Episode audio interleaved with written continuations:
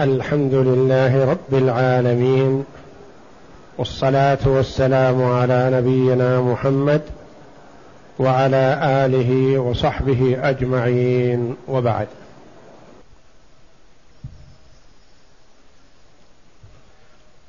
لا نزال في باب الجد والإخوة. وعرفنا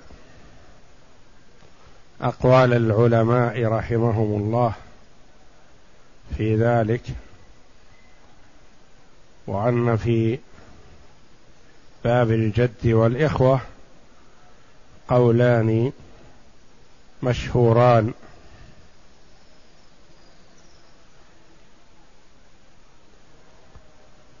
هما جعل الجد بمنزلة الأب فيحجب الإخوة. قال به جمع من الصحابة منهم أبو بكر الصديق رضي الله عنه. القول الثاني أن الإخوة يرثون مع الجد وهو يكون كواحد منهم إلا أنه لا يسقط بحال. فهو يخير مع عدم أصحاب الفروض بين الثلث ثلث المال أو المقاسمة. ومع أصحاب الفروض يخير بين ثلث الباقي أو المقاسمة أو سدس المال.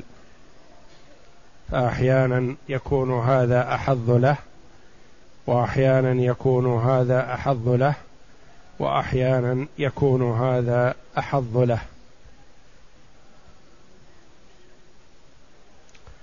والآن في موضوع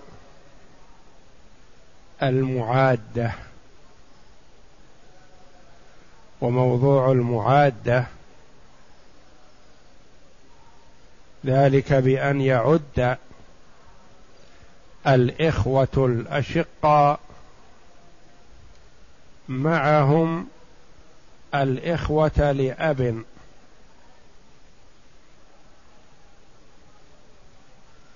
في مزاحمة الجد فإذا أخذ الجد نصيبه رجع الإخوة الأشقاء على ما بيد الإخوة لأب فأخذوه. لأن الإخوة لأب لا يرثون مع الإخوة الأشقاء.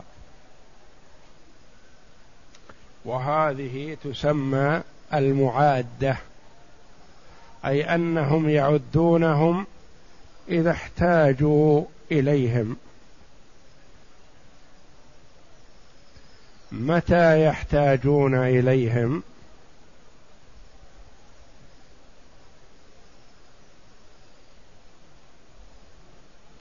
يحتاجون إليهم إذا كان الإخوة الأشقاء أقل من مثلي الجد. إذا كانوا مثليه فلا حاجة بهم إلى الإخوة لأب. وإن كانوا أقل من مثليه احتاجوا إلى الإخوة لأب حتى يوصلوهم إلى مثلي الجد.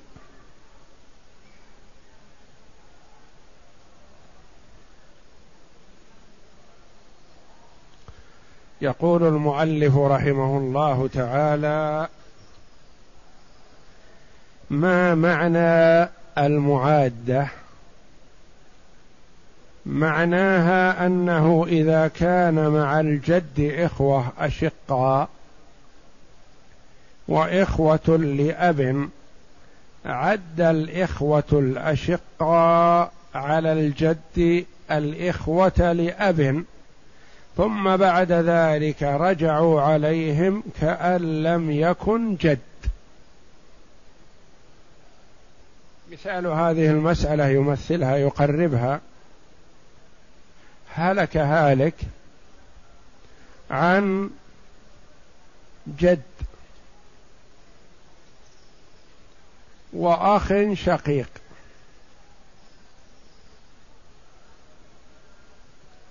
وأخ لأب.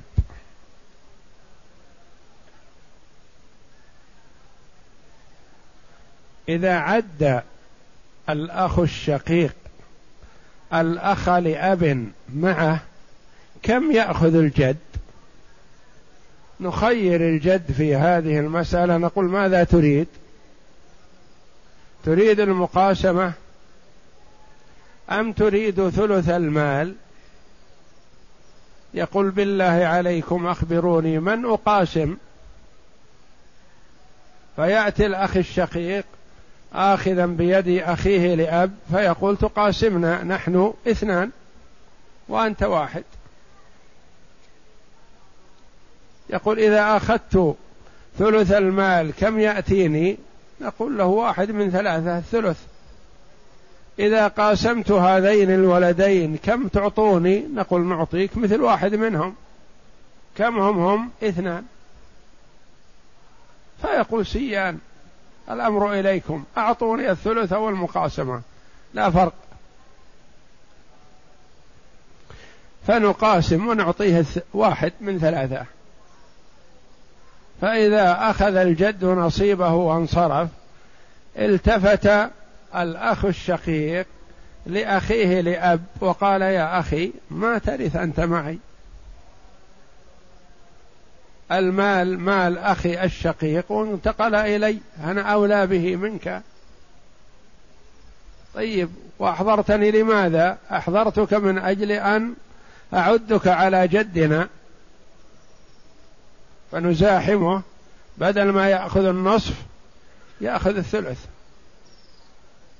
فيلتفت الأخ الشقيق إلى الأخ لأب ويأخذ ما بيده.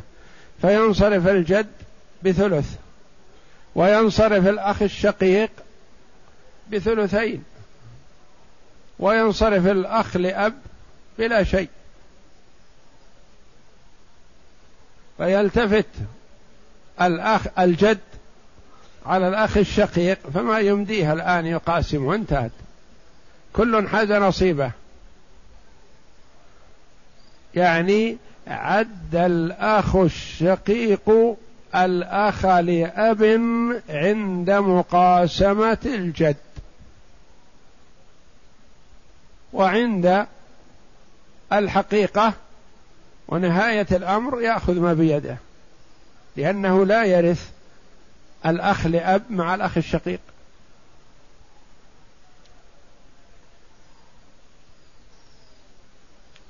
متى يحتاج الأخ الشقيق أو الإخوة الأشقاء إلى المعادة لأن المعادة بمثابة تكثير للعدد فقط.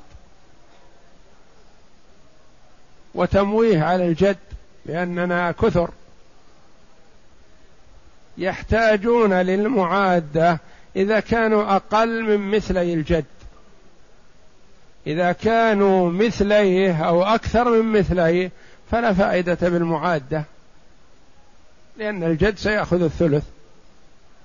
مثلا هالك عن جد وثلاثة إخوة أشقاء وثلاثة إخوة لأب.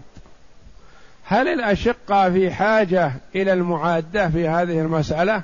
لا لأنهم أكثر من مثلي الجد. لا يستفيدون من معادة الإخوة لأب. لأن إذا حضر عندنا الجد والإخوة قلنا للجد ماذا تريد؟ المقاسمة. أم الثلث؟ قال من يقاسمني؟ نقول يقاسمك الإخوة الأشقة ثلاثة. وأنت الرابع. يقول إذا قاسمت كم تعطوني؟ نقول نعطيك واحد من أربعة. يقول إذا أريد الثلث.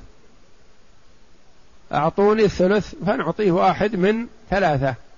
فهل الإخوة الأشقاء في مثل هذه الصورة في حاجة إلى أن يعدوا الإخوة لأب؟ لا.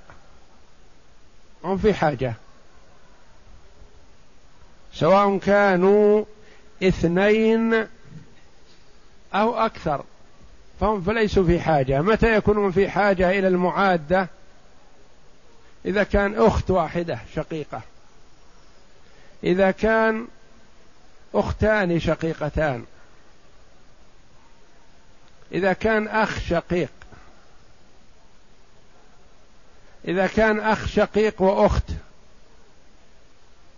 إذا كانوا ثلاث أخوات شقيقات.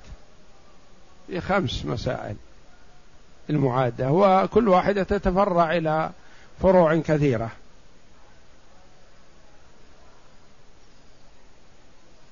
فإذا كان الإخوة الأشقاء أقل من مثلي الجد فهم في حاجة إلى المعادة. وإذا كانوا مثليه فأكثر إذا كانوا أربع أخوات شقيقات فهم في حاجة إلى المعادة لا. إذا كان أخ شقيق وأختان شقيقتان في حاجة إلى المعادة لا لأنهم مثليه هم لا يحتاجون إلى المعادة إلا إذا كانوا أقل من مثليه. أخت أختان أخ أختان وأخ ثلاث أخوات. في هذه المسائل الخمس يحتاجون إلى المعادة. إذا زادوا عن هذا صاروا مثلا أربع أخوات شقائق فأكثر. صاروا أخوان شقيقان فأكثر. صاروا أخ شقيق وأختان شقيقتان فأكثر. لا حاجة إلى المعادة لأنهم هم بأنفسهم يماثلون الجد. يكونوا مثليه. متى تكون المعادة؟ وكم مسائل المعادة؟ إذا كان ولد الأبوين أقل من مثلي الجد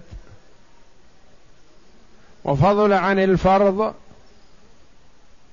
أكثر من الربع فإن الشقيق يعد ولد الأب على الجد فإذا أخذ الجد نصيبه فاحكم على الإخوة بعد ذلك كأن لم يكن معهم جد. فولد الأب يعتبر وارثا بالنظر إلى الجد حتى يزاحمه ومحجوبا بالنظر لولد الأبوين إلا إن كان ولد الأبوين اختا واحدة. وفضل عن نصفها شيء هذه ستأتي. متى يأخذ ولد الأبوين مع ولد ال...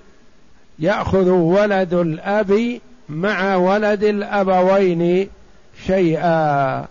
إذا كان ولد الأبوين أختا واحدة شقيقة. وفضل أكثر من النصف فإن ولد الأب يأخذ الباقي تعصيبا كما سيأتينا. وأما مسائل المعادة فثمان وستون مسألة. هذه تعرف بالاستقراء بالذكر. وضابطها إذا كان ولد الأب الأبوين أقل من مثلي الجد واحتاجوا لتكميل من ولد الأب بأن كانوا مثليه أو أقل من ذلك. ما هو الأصل الذي تبنى عليه مسائل المعادة؟ تبنى مسائل المعادة على أصلين. أن يكون الإخوة الأشقاء أقل من مثلي الجد. لأنهم إذا كانوا مثليه فلا فائدة في المعادة ما يحتاجون إليهم. لأنهم يزاحمون الجد بأنفسهم ويكفون.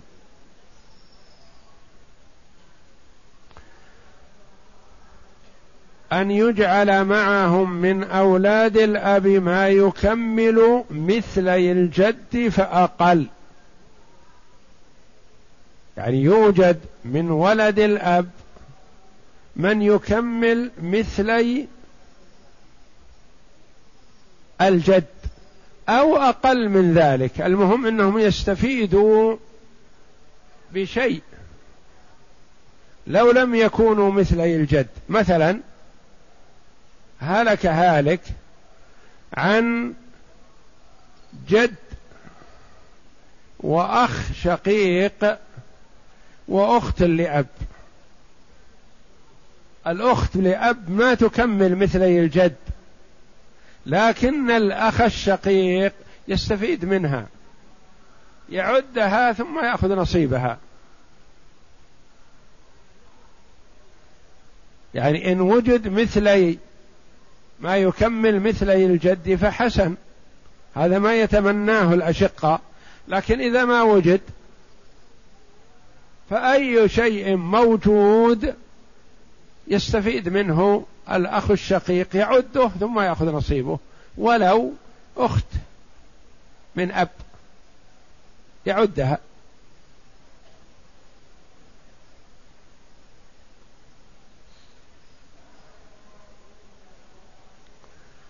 أن يجعل معهم من أولاد الأب ما يكمل مثلي الجد فأقل.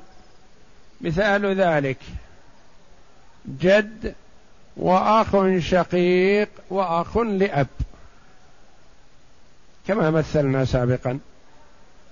يخير الجد فيأخذ الثلث والمقاسمة سيان فيعطى واحد من ثلاثة ويبقى اثنان. يأخذها الأخ الشقيق وليس للأخ لأب شيء وإنما عده من أجل أن يزاحم الجد.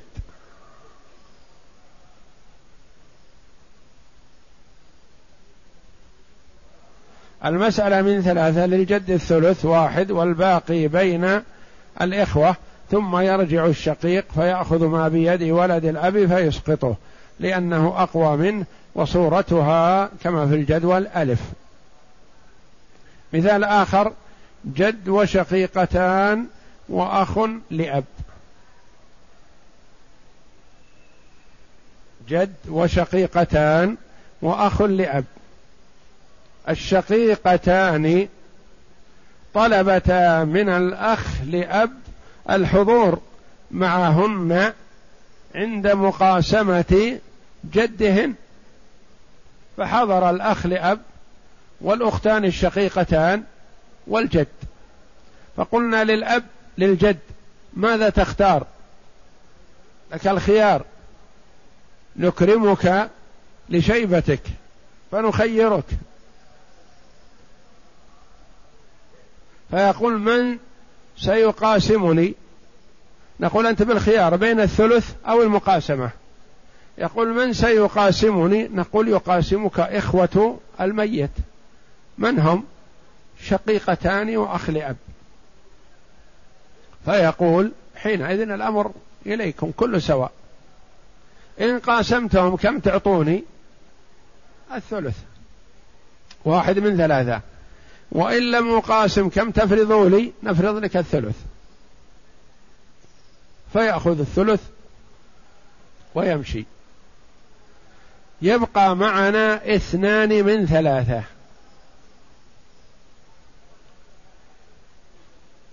حسب ما عددنا على الجد. على أن للأختين الشقيقتين واحد وللأخ لأب واحد لأنه مثلي الجد. فتلتفت الأختان الشقيقتان إلى الأخ لأب فيقولن له هات ما معك كمل لنا فرضنا. الله جل وعلا فرض لنا الثلثين. وإن زاد شيء عن الثلثين فخذه. فيأخذن ما معه فلا يبقى له شيء. جد وشقيقتان وأخ لأب المسألة من ثلاثة يستوي للجد المقاسمة وثلث جميع المال فله واحد. وتكمل للأختين الثلثين فلا يبقى شيء لولد الأب. لولد بس وتركها. يكتبوها لولد الأب. وصورتها الجدول باء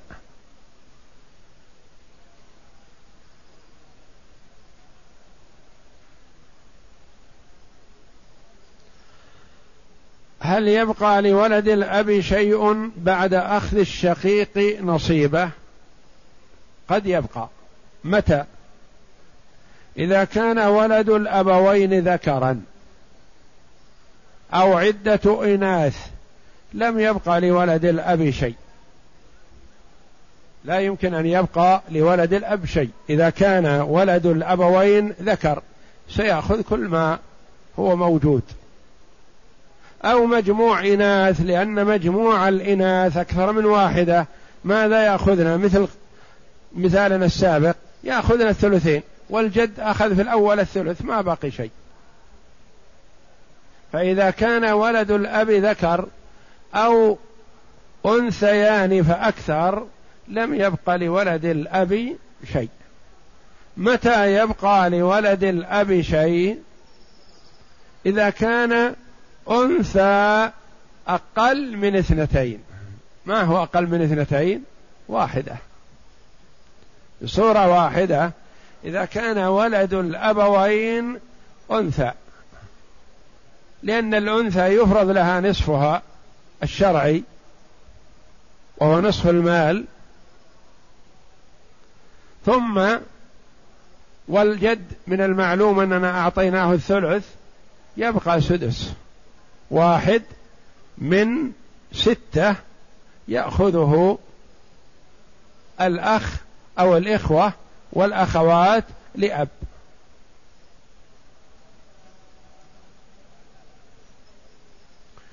إذا كان ولد الأبوين ذكرا أو عدة إناث لم يبقى لولد الأب شيء.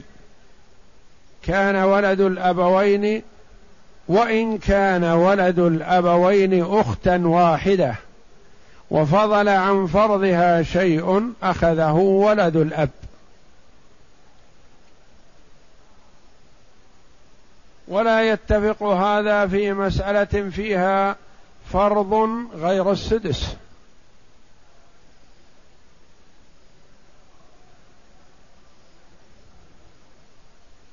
لأنه إذا كان في المسألة فرض أكثر من السدس غير السدس ما بقي لولد الأبوين شيء بحال من الأحوال. لكن إذا كان الفرض فيها سدس وخيرنا الجد فأخذ ثلث الباقي أو السدس قد يبقى لولد الأب شيء بعد أن تأخذ الأخت الشقيقة نصفها. فيبقى لولد الأب باقي. وإن لم يبق بعد ولد الأبوين شيء سقط ولد الأب لأن ولد الأب يطلب الزائد. إن زاد عن نصيب الجد وعن نصيب الأخت الشقيقة الذي هو النصف وعن صاحب الفرض المفروض له أخذه ولد الأب وإلا سقط. فمن الصور التي يبقى فيها لولد الأب شيء الزيديات الأربع. الزيديات الأربع يبقى فيها لولد الأب شيء. لأن الوارث مع الجد أخت شقيقة فقط.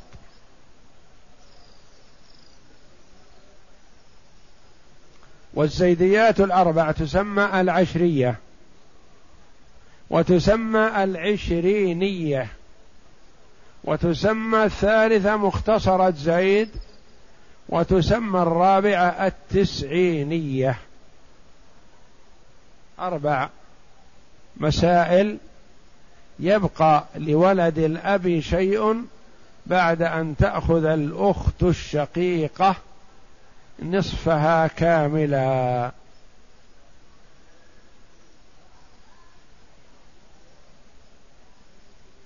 عشرية وعشرينية ومختصرة زيد وتسعينية.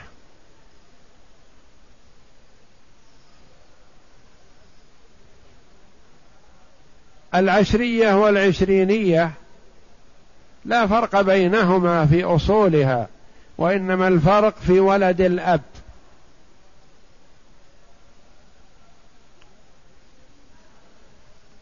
يكون واحد ولد الأب أو يكون أختان لأب. إذا كان واحد فهي عشرية وإذا كان أختان فهي عشرينية لأن نحتاج نضرب العشرة باثنين. نطلع نصيب الأختين لأب. عشرية وعشرينية.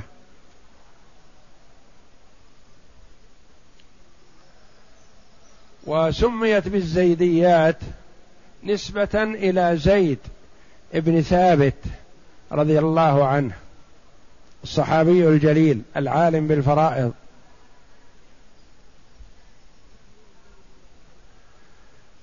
ما هي الزيديات الأربع؟ العشرية والعشرينية والتسعينية ومختصرة زيد.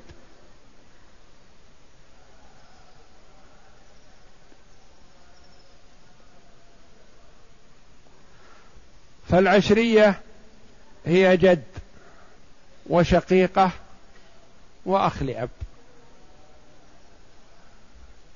أركانها سهلة. وعددها أخصر الأعداد. جد وشقيقة وأخ لأب. تسمى العشرية. كيف سميت العشرية؟ نقول جد وشقيقة وأخ لأب. نخير الجد. ماذا تريد أيها الشيخ؟ فيقول وضحوا لي. نقول أنت بالخيار بين ثلث المال أو المقاسمة. يقول بالله عليكم من أقاسم؟ نقول تقاسم أخ وأخت. يقول لا أريد المقاسمة إذن. لأنهم أقل من مثلي. لو أخذت الثلث أخذت واحد من ثلاثة. وإذا قاسمت سآخذ اثنين من خمسة. الاثنين من خمسة أيها أكثر أو واحد من ثلاثة؟ لا شك أن الاثنين من خمسة أكثر. اثنين من خمسة أو اثنين من ستة أيهم أكثر؟ اثنان من خمسة أكثر. فيقول أريد المقاسمة. نقول رؤوسكم خمسة. الجد برأسين والأخت الشقيقة رأس واحد والأخ لأب برأسين خمسة رؤوس. نجعل المسألة من خمسة لأنها ما فيها فرض. من عدد الرؤوس. مسائل التعصيب من عدد الرؤوس. ما ينظر إلى حد معين.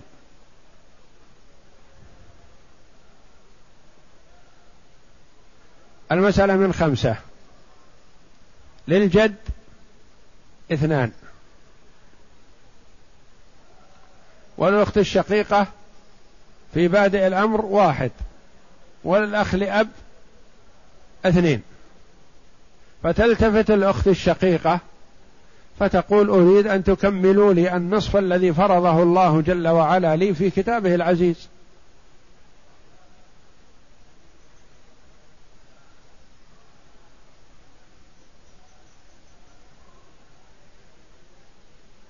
في آخر آية من سورة النساء فرض الله لي النصف. فنقول سمعا وطاعة لكتاب ربنا. كم نصف؟ الخمسة. ما يطلع لها نصف لأن نصف اثنان ونصف وليس عندنا شيء اسمه واحد ونصف أو اثنان ونصف أو نصف. في الفرائض ما فيه. نضرب الخمسة التي هي أصل المسألة في اثنين من أجل أن يخرج النصف صحيح. فنضرب اثنين في خمسة فتصح من عشرة. من له شيء من الأو من الأصل أخذه مضروبا فيما ضرب به الأصل. فنقول للجد كم له أعطيناه؟ اثنان. مضروبا في اثنين أخذ كم؟ أربعة. الأخت هنا تقول لي نصف المال ما علي من ضرب أو قسمة أو شيء من هذا. لي نصف المال مفروض في كتاب الله جل وعلا ما لا في أخذ ولا رد ولا جدال ولا ضرب ولا قسمة. وأنتم قلتم المسألة من عشرة سلموني خمسة. كما فرضها الله لي في كتابه نقول على العين والرأس. سمعا وطاعة. فنعطيها قيناه الأخ لأب وهذه العشرية.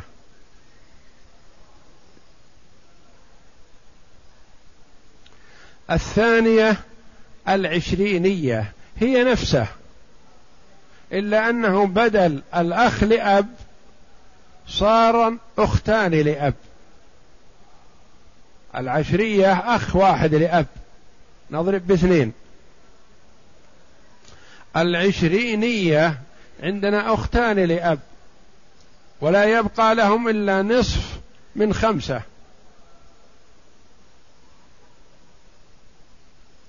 والنصف هذا ما يسعنا أن نأخذه.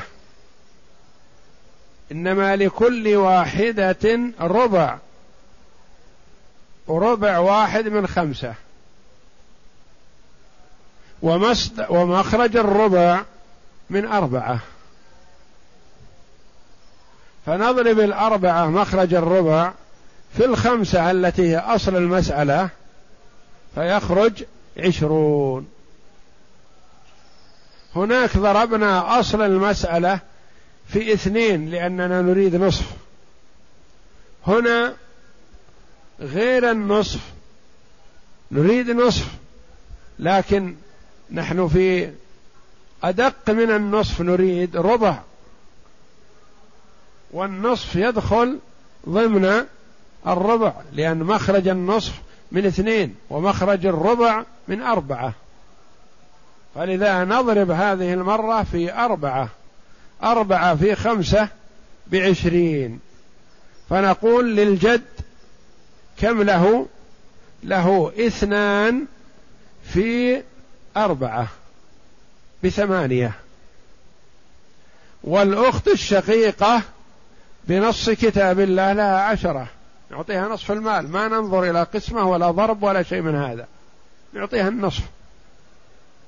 فأعطينا الأخت الشقيقة النصف عشرة وأعطينا الجد ثمانية. نقول للأخوات لأب اثنتان لهن النصف. لكل واحدة الربع. مضروب في أربعة. الربع مضروب في أربعة يخرج لها واحد. أو ننظر الباقي نقول أعطينا الجد ثمانية وأعطينا الشقيقة عشرة. كم بقي معنا؟ بقي معنا اثنان لكل واحدة واحد. هذه العشرينية.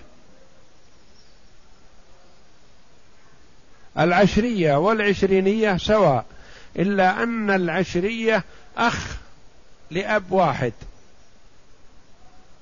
بقي له نصف واحد من خمسة. فضعفناها إلى عشرة فخرج. لكن الأختان الشقيقتان هنا لهما نصف من واحد من خمسة. لكل واحدة ربع واحد من خمسة. ومخرج الربع من أربعة فيحتاج أن نضرب الخمسة في أربعة حتى يخرج الربع. فقلنا هذه عشرينية. والعشرية والعشرينية ليس مع الجد والإخوة صاحب فرض.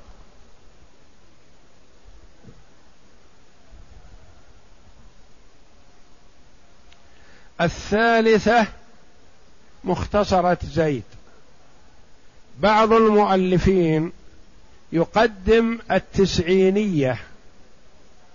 على مختصرة زيد وبعضهم يقدم المختصرة على التسعينية. من نظر إلى الأصل قدم التسعينية لأن المختصرة أصلها مية وثمانية. تصح من مية وثمانية قبل الاختصار. والتسعينية تصح من تسعين. فالتسعين قبل مية وثمانية.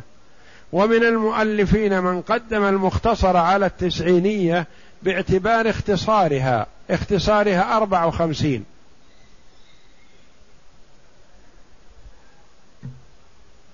فهي إذا انتهت على أربع وخمسين فهي تكون قبل التسعينية من حيث العدد. الزيديات الأربع الثالثة منهن مختصرة زيد. انظر الفرق بين هذه المختصرة مع العشرية والعشرينية. العشرية والعشرينية وجدنا الفرق بينهما أخ لأب أو أختان لأب. هذا الفرق. هنا المختصرة لا معهم صاحب فرض معهم صاحب فرض. والجد سيخير بين ثلاثة أمور في هذه المسألة. في المسألتين الأوليين يخير بين المقاسمة والثلث. هنا يخير بين ثلاثة أمور. المقاسمة هذه. والثانية سدس المال. والثالثة ثلث الباقي. أو تقول ثلث الباقي والمقاسمة وسدس المال. نقول ننظر أصولها حتى نعرف الجد ولا نغشه. أصولها جدة أو أم لأن الحكم واحد. وجد وأخت شقيقة وأخ وأخت لأب. انظر هذه اختلفت عن تلك. تلك ما فيها صاحب فرض ما فيها جدة ولا فيها أم. هذه فيها واحد من الاثنين. أم جدة وإلا أم كل واحد. ومن ناحية الإخوة لأب تلك أخ في العشرية وأختان في العشرينية. هنا أخ وأختان معا. هذه المختصرة. مختصرة زيد. عرفنا أصولها؟ جدة. جد. أخت شقيقة. أخ وأخت لأب. ننظر ما هو الأصل.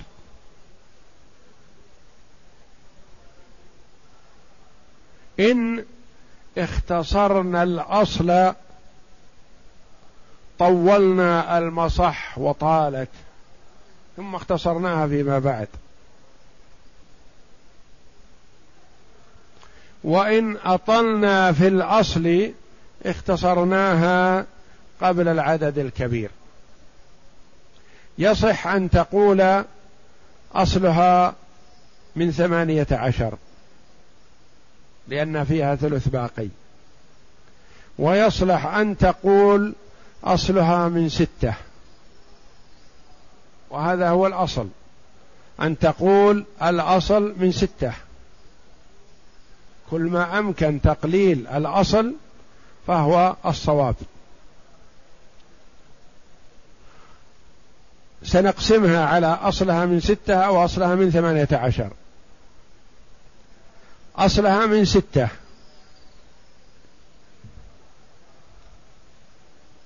نقسم. عندنا صاحب فرض نريد أن نتخلص منه. لأن علينا خطر إذا تعرضنا لصاحب الفرض في فرضه. والنبي صلى الله عليه وسلم يقول ألحقوا الفرائض بأهلها. أعطوا أصحاب الفروض حقوقهم لا تبخسوهم. فنعطي أصحاب الفروض نقول تعالوا. عندنا جدة وجد وأخ لأب وأخت لأب وأخت شقيقة.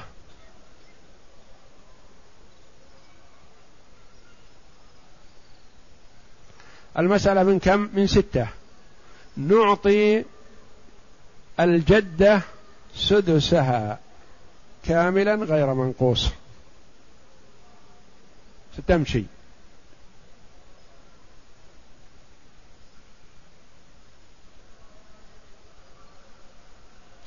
فنقول ثم ننظر ماذا بقي معنا من الستة؟ بقي خمسة. لمن هذه الخمسة؟ تعالوا يا من تريدون القسمة. جاءتنا الأخت الشقيقة. وجاءنا الجد. وجاءنا الأخ لأب والأخت لأب. نقول ماذا تريد أيها الشيخ؟ أو قبل أن نخيره. نقول رؤوسكم كم؟ من حيث القسمة العدد الرؤوس. جد واحد. أخت شقيقة جد واحد باثنين لأن الذكر باثنين. أخت شقيقة بواحد. أخ لأب باثنين. أخت لأب واحد. صارت رؤوسهم كم؟ ستة. ومعنا كم سهم؟ معنا خمسة. ما تنقسم.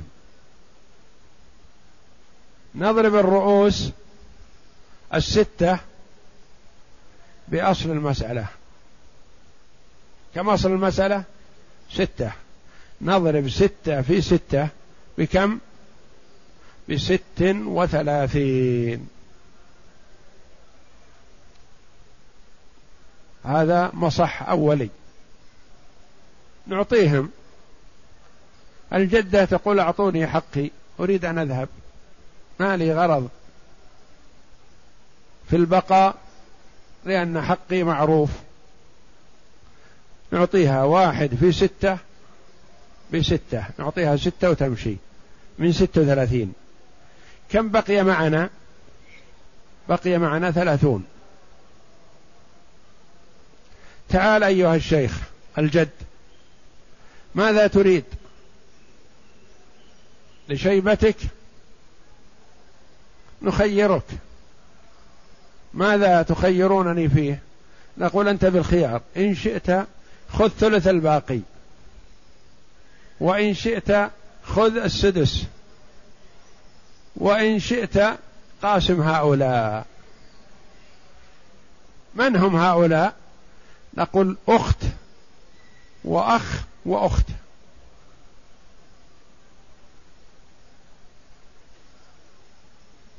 ثلاثة. تخيرونني في ثلاثة أمور. أمران مستويان.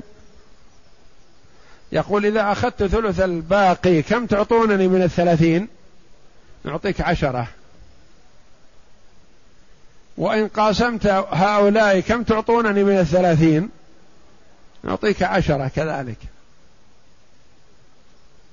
لعل السدس خير لي. وإن طلبت السدس كم تعطونني من الثلاثين؟ نعطيك خمسة. خمسة من الثلاثين. سدس. لا ياخذ سدس ياخذ ستة من من كامل المال. ياخذ ستة. إذا طلب السدس أعطيناه مثل الجدة. مثل زوجته.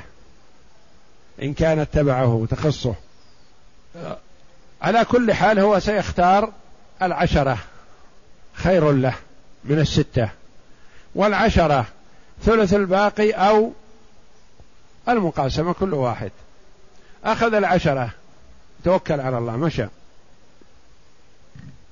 بقي معنا كم؟ من الثلاثين بقي معنا عشرون. بقي معنا عشرون. جاءت الأخت الشقيقة نقول تريدين مقاسمة أخيك وأختك من الأب؟ تقول لا. أنا لا أقاسم أحدا وقد فرض الله لي النصف في كتابه العزيز. من يعترض على هذا؟ نقول نبرأ إلى الله ونتوقف ولا نعترض على ما ورد في كتاب ربنا. أو سنة نبينا صلى الله عليه وسلم. كم لك؟ تقول من كم أصلتم المسألة؟ وقد أصلناها من ست وثلاثين. تقول أريد النصف. من ست وثلاثين فرضا لي في كتاب الله. نقول سمعا وطاعة. فنعطيها ثمانية عشر من ست وثلاثين. كم يبقى معنا؟ يبقى معنا اثنان. لأن أعطينا الجدة ستة بقي ثلاثون. أعطينا الجد عشرة بقي عشرون. أعطينا الأخت الشقيقة ثمانية عشر بقي اثنان. جاءوا الإخوة لأب أخ وأخته بقي لكم اثنان من ست وثلاثين. يقولان نحن الآن متصافون. فإذا أعطيتمونا اثنين تنازعنا فيها. وسبب لنا هذا الميراث نزاع وقطيعة رحم. فاقسموا بيننا قبل أن نتفرق. نقول خيرا. رؤوسكم كم؟ ثلاثة. وسهامكم اثنين. ماذا نعمل؟ نضرب الرؤوس الثلاثة في ست وثلاثين. ثلاثة في ستة ثمانية عشر. وثلاثة في ثلاثين بتسعين. تسعين وثمانية عشر كم صر؟ مية وثمانية.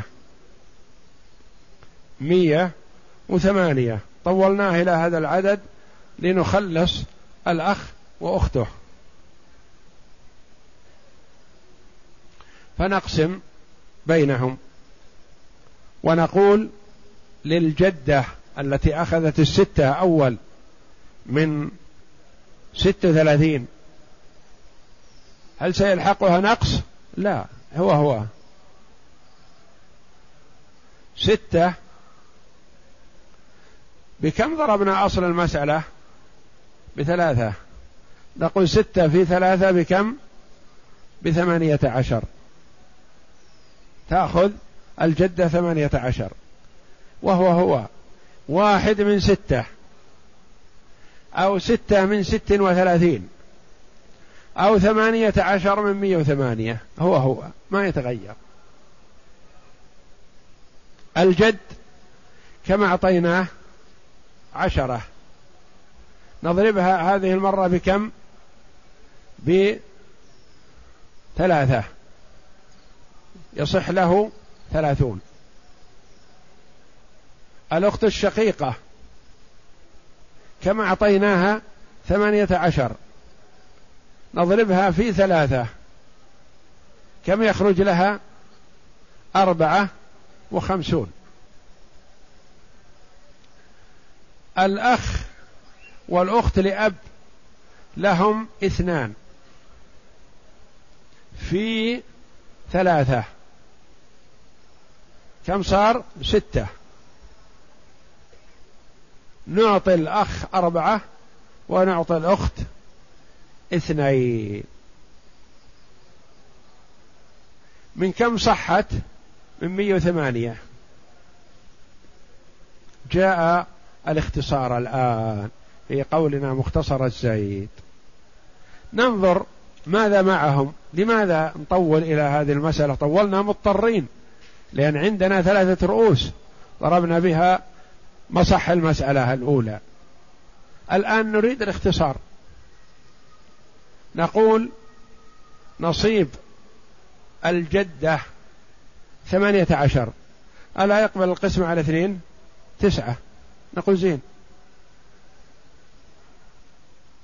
نصيب الجد كم أعطيناه؟ ثلاثين. ألا يقبل القسم على اثنين؟ يقبل. خمسة عشر. نصيب الأخت الشقيقة. أربعة وخمسون. ألا يقبل القسم على اثنين؟ نقسم على اثنين.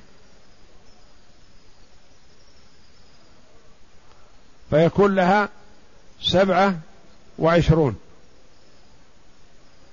الأخ لأب كم أعطيناه؟ أربعة. ألا يقبل القسمة على اثنين؟ نقول نعم نعطيه اثنين. الأخت لأب كم نصيبه؟ اثنان. ألا تقبل القسمة على اثنين؟ نعم ينتج واحد. فهذا هو الاختصار. من مية وثمانية اختصرناها إلى أربعة وخمسين فسميت مختصرة زيد. لأن أصلناها أول من ثما من ستة. ثم ضربنا الستة في ستة. ثم ضربنا الست والثلاثين في ثلاثة فخرجت مئة وثمانية. ثم قسمناها كلها على اثنين فخرجت أربعة وخمسين.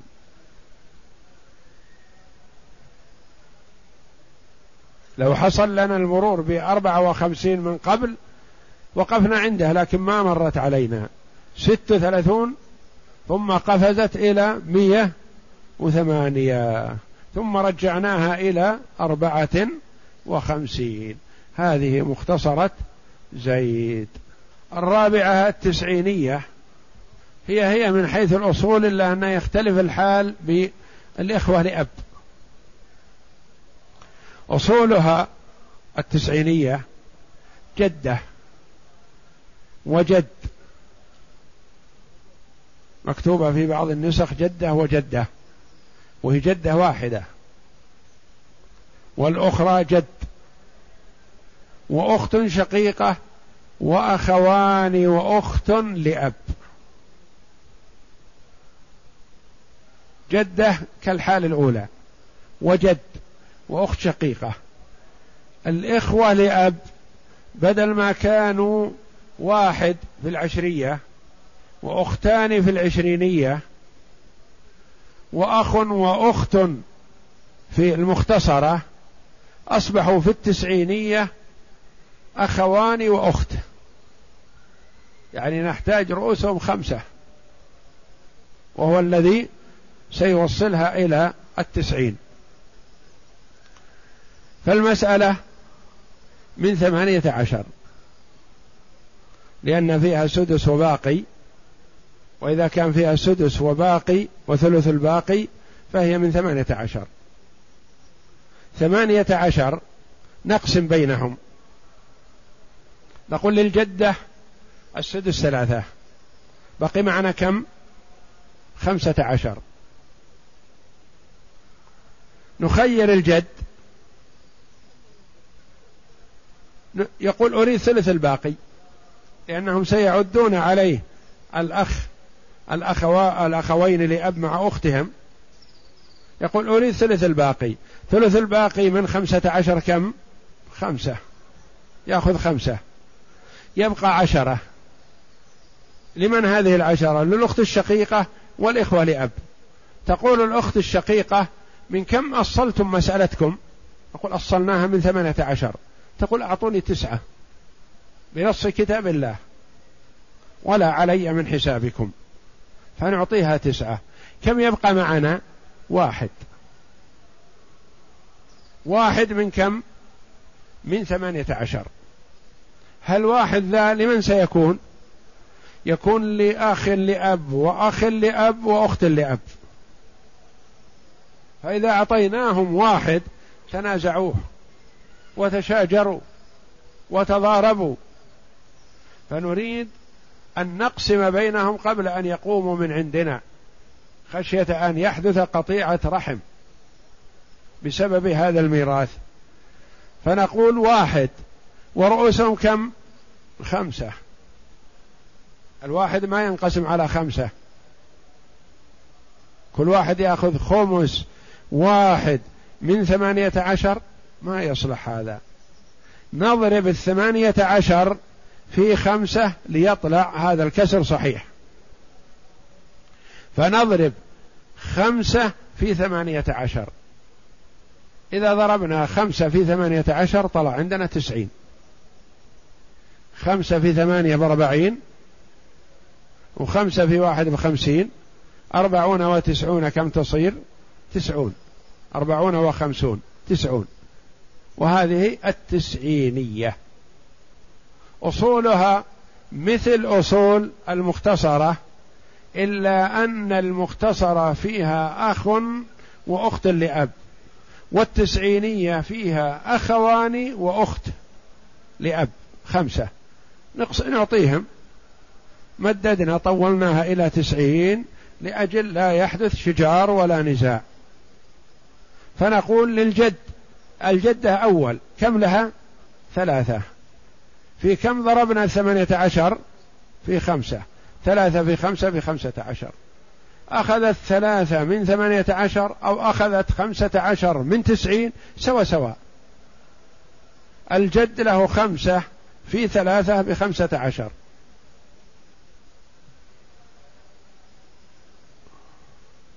الجد له خمسة في خمسة. ما له ثلاثة له خمسة. لأنه أخذ ثلث الباقي. أخذ خمسة في خمسة بخمسة وعشرين من تسعين. الأخوان والأخت من أب كم لهم؟ واحد. مضروب في خمسة. جزء السهم صح خمسة. يكون للأخ لأب سهمان من تسعين. وللأخت لأب واحد من تسعين وهذه التسعينية.